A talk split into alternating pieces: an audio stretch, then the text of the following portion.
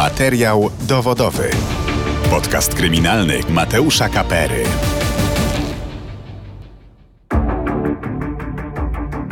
Dzień dobry, to jest kolejny odcinek podcastu kryminalnego Radia Z, a w nim tajemnicza sprawa śmierci znanego i kontrowersyjnego dziennikarza muzycznego Bohdana Gadomskiego.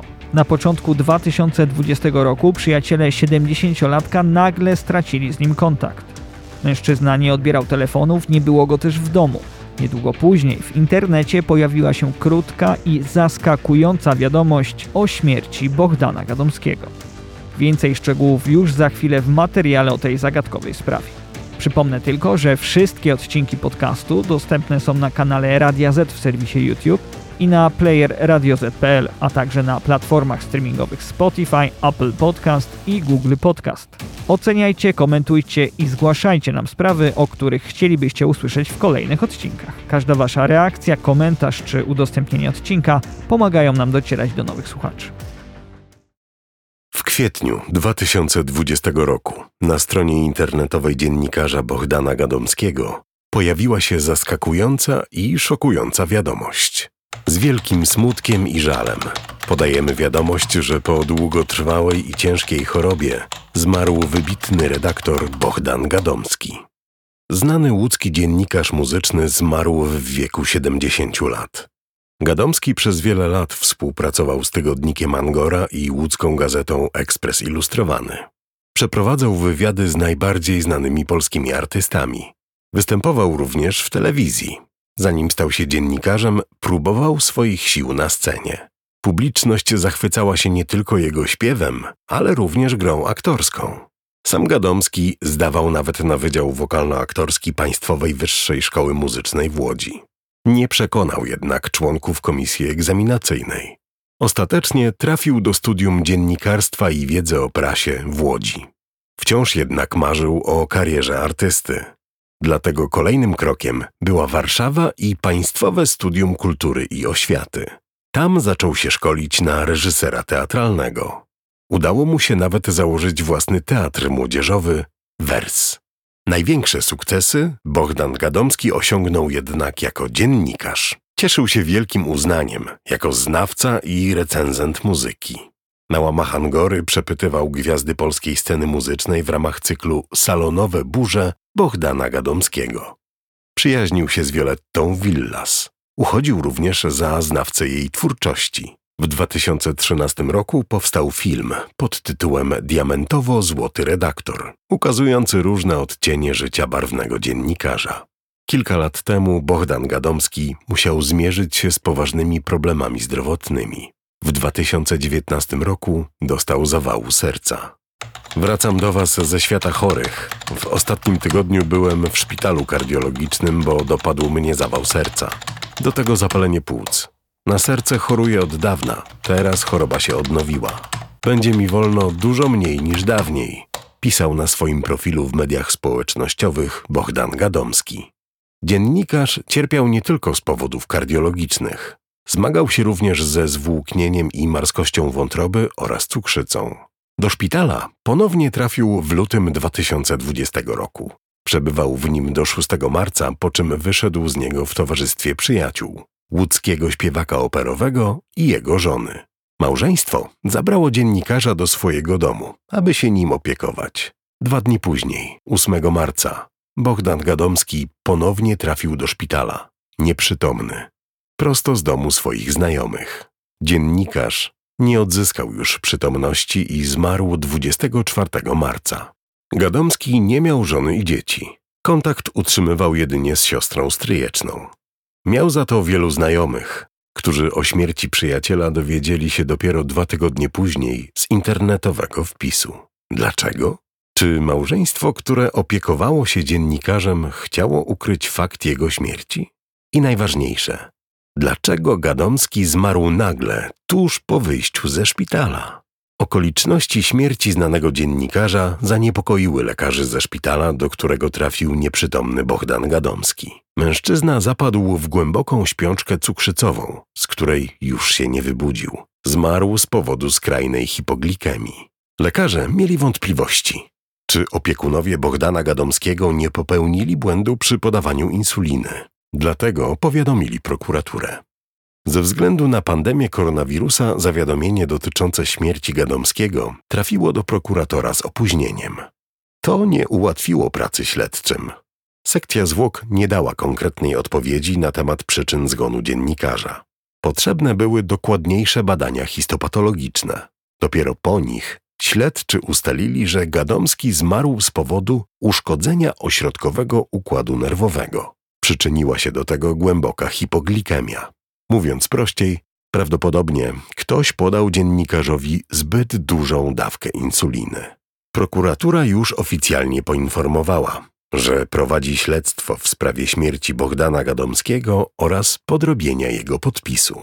Wówczas nikomu jeszcze nie postawiono zarzutów. Sprawa zaczęła się robić coraz bardziej medialna. Oliwy do ognia dolał wynajęty przez przyjaciół Gadomskiego detektyw. Ogłosił on, że znany dziennikarz mógł zostać zamordowany. Złożył nawet w tej sprawie oficjalne zawiadomienie do prokuratury. Po ponad roku śledztwa w sprawie tajemniczej śmierci Bogdana Gadomskiego śledczy postawili zarzuty Borysowi Eł i jego żonie Halinie.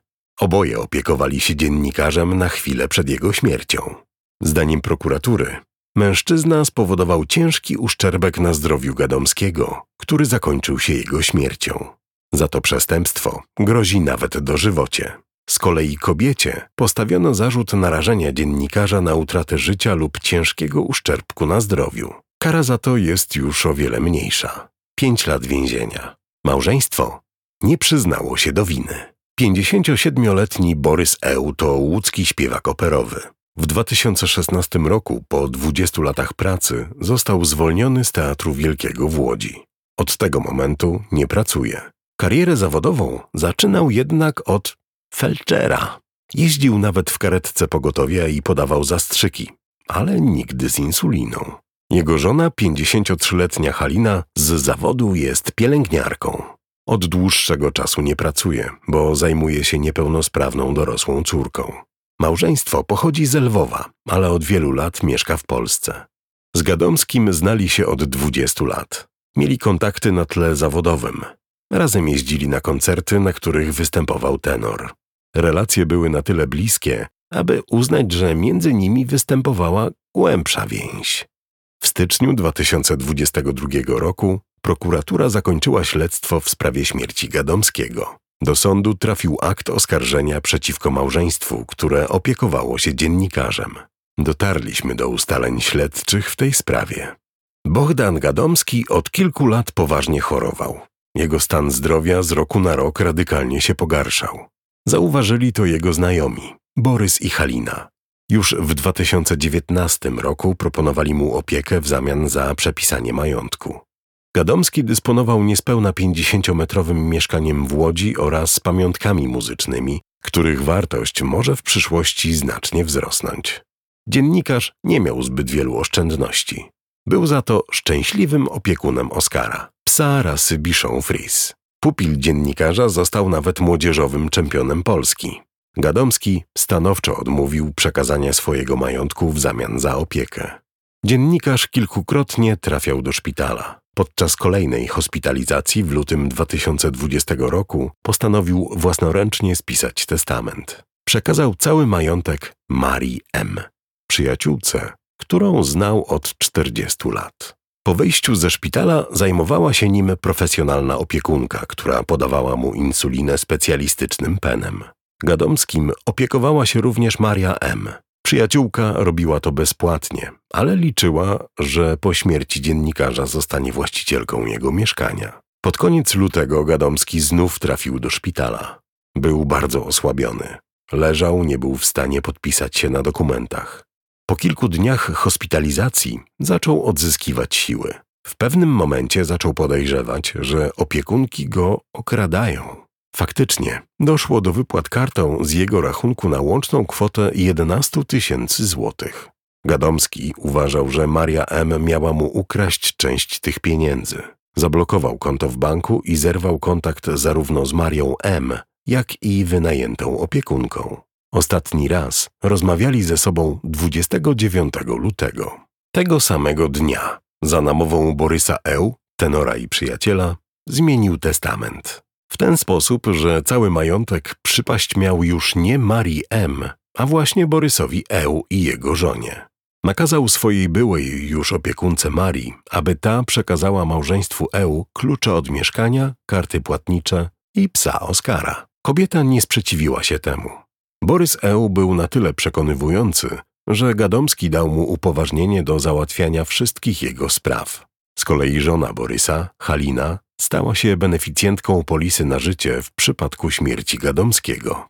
Borys próbował nawet sprawić, aby odręcznie spisany testament uwiarygodnić, nadaniem mu bardziej formalnej i oficjalnej wersji. 4 marca wraz z notariuszem próbował dostać się na oddział, na którym leżał Bogdan Gadomski, ale uniemożliwił mu to personel szpitala. Tenor odgrażał się medykom, że zadzwoni na policję. Mimo, że dziennikarz zaufał Borysowi, to różnie na niego reagował. Raz się cieszył, a innym razem sprawiał wrażenie, jakby się go bał. 6 marca Bogdan Gadomski na własną rękę wypisał się ze szpitala. Lekarze chcieli mu pomóc załatwić pomoc z opieki społecznej, bo wymagał stałego wsparcia. Dziennikarz twierdził, że zaopiekuje się nim małżeństwo Eł. Powiedział personelowi szpitala, że Halina jest lekarką, co potwierdził jej mąż. Kobieta była jednak tylko pielęgniarką i to z długą przerwą w wykonywaniu zawodu. Małżeństwo zapewniało lekarzy, że poradzi sobie z opieką nad Gadomskim. Potrzebowało tylko recept. Bogdan Gadomski opuścił szpital razem z Borysem i Haliną Eł. Trafił do mieszkania małżeństwa w Łodzi. Lekarze zalecili opiekunom dziennikarza podawanie choremu insuliny. Dzień później małżeństwo wypożyczyło łóżko medyczne dla Gadomskiego. Dziennikarz po wyjściu ze szpitala był w dobrym stanie psychicznym.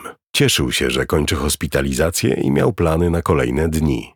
Był świadomy, że może wkrótce umrzeć, ale nie wspominał nikomu o zamiarze popełnienia samobójstwa. 6 marca Gadomski wraz z opiekunami pojechał do banku.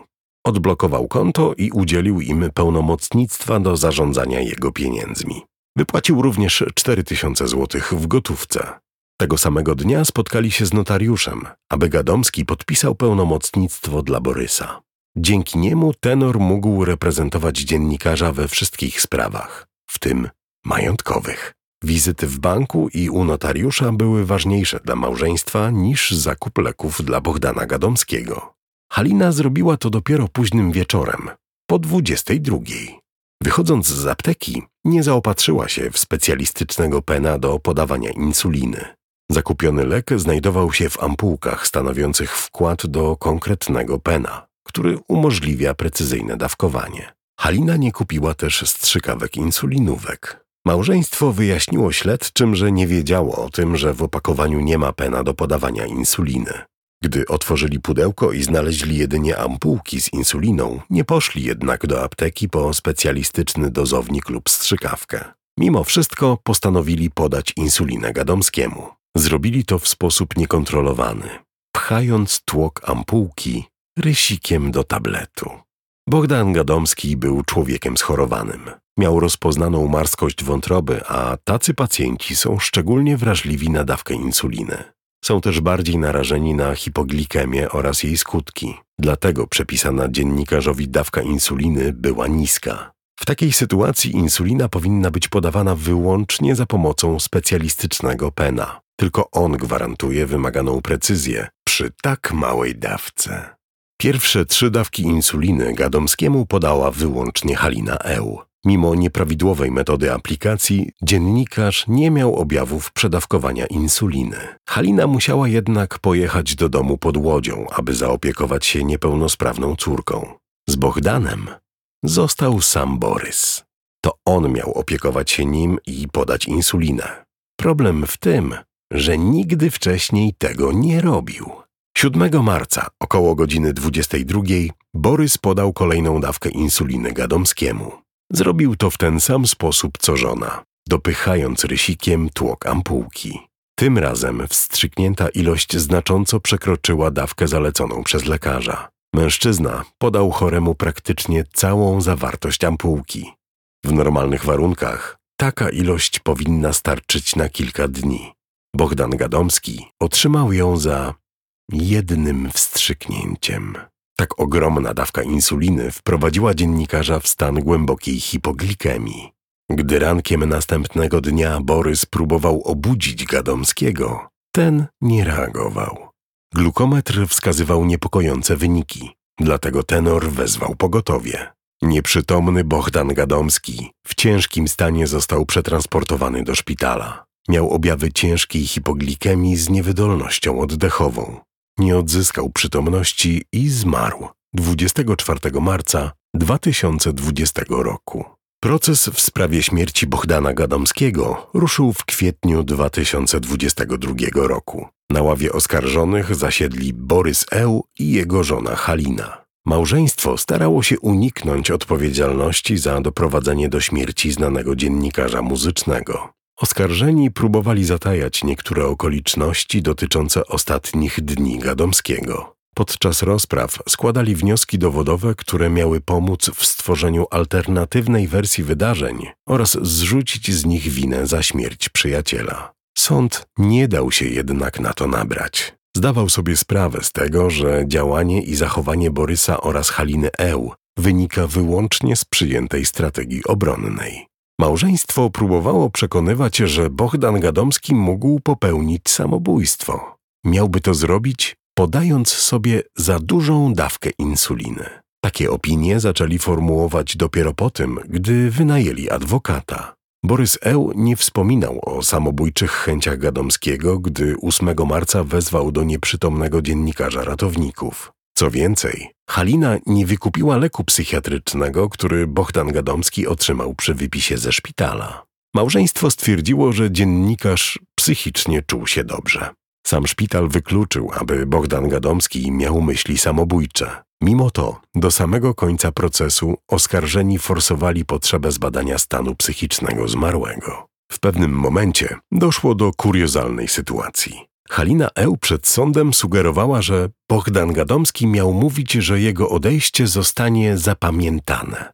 Według kobiety miało to oznaczać, że dziennikarz popełni samobójstwo, ale w taki sposób, aby policja podejrzewała opiekunów o przyczynienie się do jego śmierci. Po co miałby to robić? Dla pośmiertnego rozgłosu medialnego, stwierdziła Halina Eł. Sąd uznał, że najbardziej wiarygodne są początkowe wyjaśnienia Borysa Eł. Podczas pierwszego przesłuchania logicznie opisywał powody, dla których małżeństwo nie używało pena insulinowego. Wyjaśniał, że podawano lek bezpośrednio z ampułki, dopychając tłoczek rysikiem do tabletu. Wcześniej w niemal identyczny sposób opisywał to ratownikom i lekarzom ze szpitala, do którego trafił nieprzytomny Gadomski. Biegła sądowa nie miała wątpliwości, że małżeństwo Eł w nieprawidłowy sposób podało insulinę Gadomskiemu. Taka forma aplikacji nie chroniła przed przypadkowym przedawkowaniem insuliny. To oznaczało, że opiekunowie narazili Bohdana Gadomskiego na utratę życia lub doznanie ciężkiego uszczerbku na zdrowiu. Biegli nie mieli również wątpliwości, że podanie zdecydowanie zawyżonej dawki insuliny doprowadziło do hipoglikemii i śmierci Bohdana Gadomskiego. Sąd uznał jednak, że intencją małżeństwa Eł nie było doprowadzenie do śmierci Bohdana Gadomskiego, jak twierdził prokurator. Zbyt duża dawka insuliny, która okazała się śmiertelna, trafiła do organizmu dziennikarza, bo Borys Eł popełnił błąd. Nie użył specjalistycznego dozownika i źle odczytał podziałkę na ampułce z insuliną. 4 października 2023 roku Sąd Okręgowy w Łodzi uznał małżeństwo Eł za winne nieumyślnego spowodowania śmierci Bohdana Gadomskiego. Tenor Borys Eł został skazany na rok i pięć miesięcy pozbawienia wolności. Pielęgniarka Halina Eł otrzymała karę trzech miesięcy pozbawienia wolności. Oprócz tego będzie musiała przez dziewięć miesięcy wykonywać prace społeczne. Dla Haliny Eł to nie koniec problemów z prawem. Kobieta miała podrobić podpis Bogdana Gadomskiego na wezwaniu adresowanym do przyjaciółki dziennikarza Marii M. Mężczyzna rzekomo miał domagać się od niej zwrotu 10 tysięcy złotych. W tej sprawie przeciwko Halinie Eł toczy się proces karny. Bohdan Gadomski został pochowany 27 kwietnia 2020 roku. Spoczął na łódzkim cmentarzu komunalnym. Miał 70 lat. Materiał dowodowy. Podcast kryminalny Mateusza Kapery.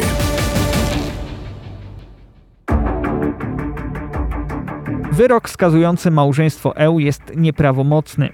Oskarżeni, jak i prokurator złożyli apelację. Ci pierwsi chcą uniewinnienia, z kolei oskarżyciel publiczny uznania, że zarówno Borys, jak i Halina EU działali umyślnie. Uprawomocnienie się wyroku w tej sprawie ma niebagatelne znaczenie dla postępowania spadkowego. Małżeństwo EU na podstawie testamentu Bohdana Gadomskiego domaga się rozstrzygnięcia go na własną korzyść. W kontrze do nich występuje w tym procesie wieloletnia przyjaciółka dziennikarza Maria M. Jeżeli sprawa karna zakończy się prawomocnym skazaniem Borysa i Haliny Eł, to sąd może uznać ich za niegodnych dziedziczenia spadku. Do momentu ogłoszenia ostatecznego werdyktu sądowego sprawa o majątek Bogdana Gadomskiego jest zawieszona. Na dziś to wszystko. To był podcast Kryminalny Radia Z Materiał Dowodowy. Ja się nazywam Mateusz Kapera. Dziękuję za uwagę i do usłyszenia w kolejnym odcinku. Materiał dowodowy. Wszystkie odcinki naszego podcastu kryminalnego znajdziesz na player radioz.pl i na najważniejszych platformach streamingowych.